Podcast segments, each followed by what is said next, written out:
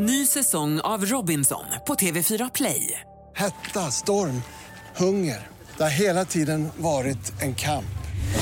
Nu är det blod och tårar. Fan händer just nu. Det. är Detta är inte okej. Robinson 2024, nu fucking kör vi! Streama söndag på TV4 Play.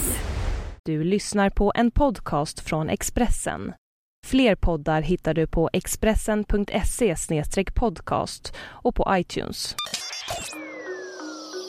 Det här är Expressen Dokument om övningen som kunde slutat i atomkrig av Arne Lapidus som jag, Johan Bengtsson, läser upp. Världen var bara en knapptryckning från ett förödande kärnvapenkrig. Missförstånd om en militär övning höll på att utlösa en total konfrontation mellan USA och Sovjet, visar nyligen frisläppta hemliga dokument. Tredje världskriget har aldrig varit så nära som en novemberdag för 30 år sedan.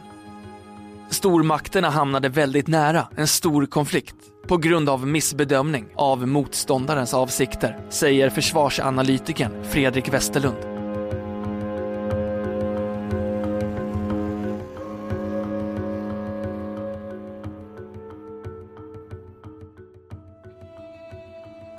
Det är november 1983. Kalla kriget har aldrig varit så kallt och närmar sig den fryspunkt där det riskerar att övergå i glödhett krig mellan de två supermakterna USA och Sovjetunionen. I Sovjet styr den dödssjuke och kroniskt misstänksamme ledaren Jurij Andropov, tidigare chef för spionorganisationen KGB, som ägnat hela sitt liv åt att misstro amerikanska avsikter. I USA har president Ronald Reagan just proklamerat Stjärnornas krig, ett rymdbaserat missilförsvar och vill utrusta västalliansen NATO med kärnvapenladdade medeldistansrobotar i Europa som svar på liknande sovjetiska robotar som just placerats ut. Också Sverige känner av det bistra storpolitiska klimatet när den sovjetiska ubåtsverksamheten ökar i svenska farvatten.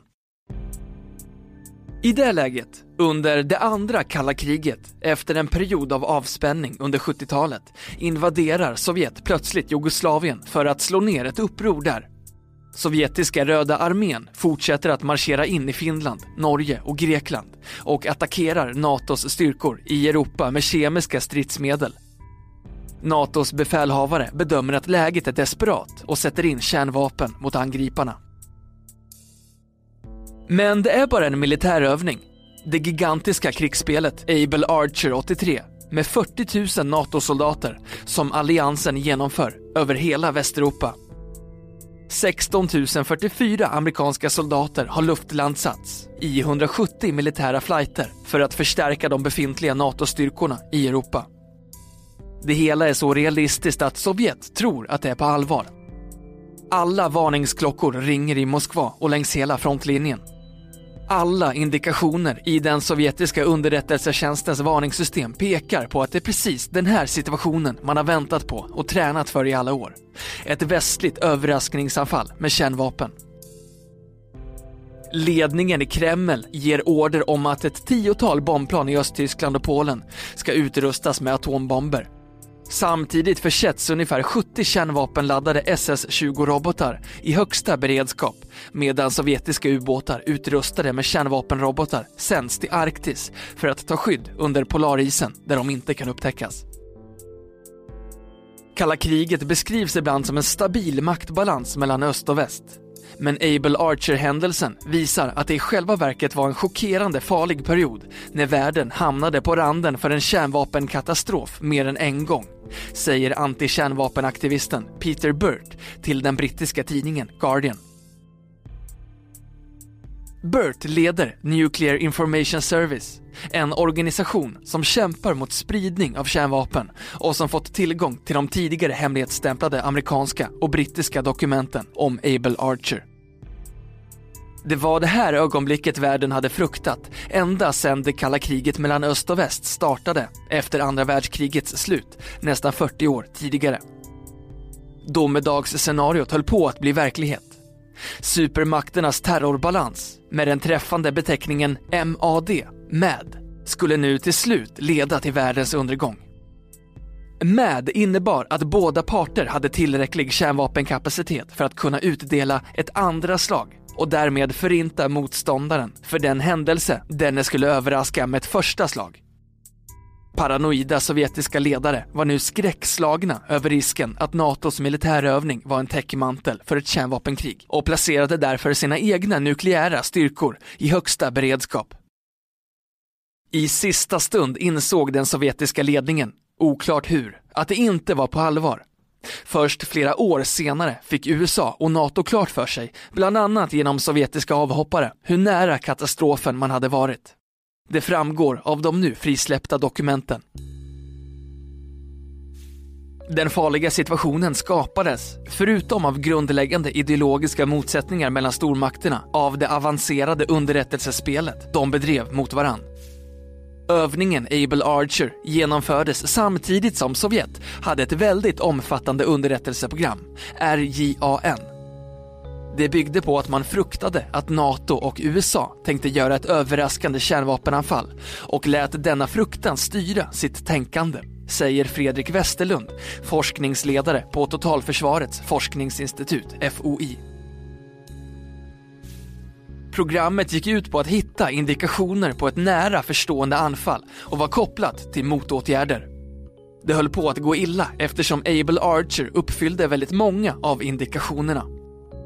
Det skapade under kort tid intrycket av att USA var nära att genomföra ett överraskande och förgörande anfall. I sovjetiskt militärt tänkande ingick maskirovka, vilseledning, som ett viktigt inslag. Ett sätt att genomföra militära aktioner är att låta dem börja som övningar.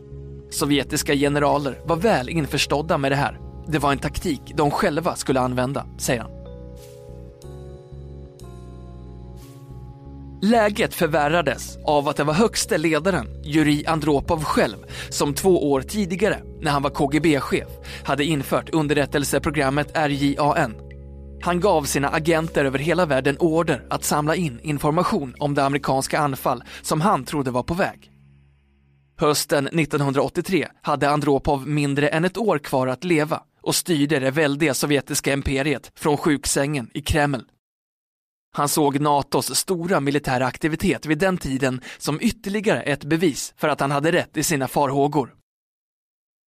Efter Andropovs död monterade man ner hela programmet. Det var för farligt. Det var för mycket osäkerhet inbyggd i indikationssystemet. Systemet skevade mot att överreagera, säger Fredrik Westerlund. Det hotfulla övervärderades Underrättelsetjänster blir lätt paranoida. Det är inte något specifikt ryskt. Det här skedde vid ett tillfälle när relationerna var väldigt spända och kommunikationerna väldigt dåliga. I ett sånt läge är inga informella samtal möjliga. Då kan farliga missförstånd uppstå, säger han. Läget var extra laddat eftersom Sovjet i september 1983, strax före Able Archer, sköt ner ett sydkoreanskt passagerarplan som hade förirrat sig på sovjetiskt territorium. Alla 269 ombord dödades. Ryssarna misstänkte att det rörde sig om ett amerikanskt spionplan. I slutet av 70-talet flammade motsättningarna upp igen Warszawapakten, alltså den Sovjetledda östliga militäralliansen, placerade ut medeldistansrobotar i Europa och Sovjet invaderade Afghanistan 1979. Ronald Reagan valdes till president i USA och talade om Sovjet som ett ondskans imperium.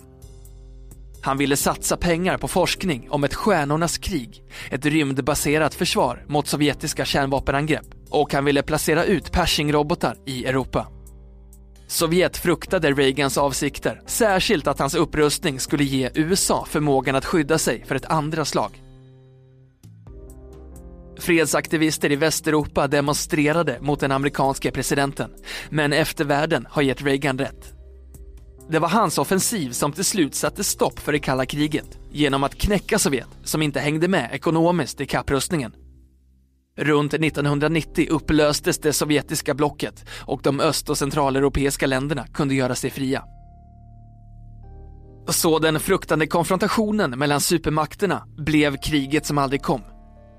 Det är också titeln på en antologi utgiven av historikern Andreas Linderoth i vilken tolv forskare skriver om hur det kalla kriget påverkade Sverige och länderna runt om Östersjön. Det fanns en oro på båda sidor för vad motståndaren kunde hitta på. På östsidan såg man väst som aggressivt och väntade sig ett angrepp. Det låg i deras ideologiska övertygelse.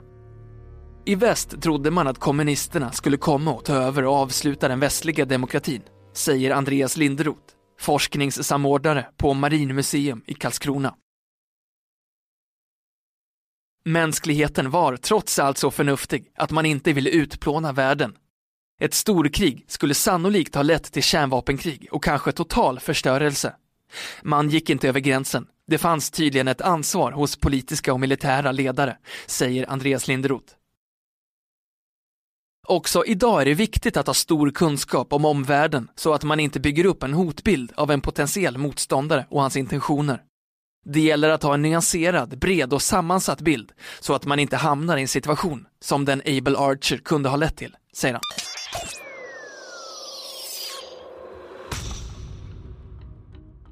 Du har lyssnat på en podcast från Expressen. Ansvarig utgivare är Thomas Mattsson. Fler poddar finns på Expressen.se och på iTunes.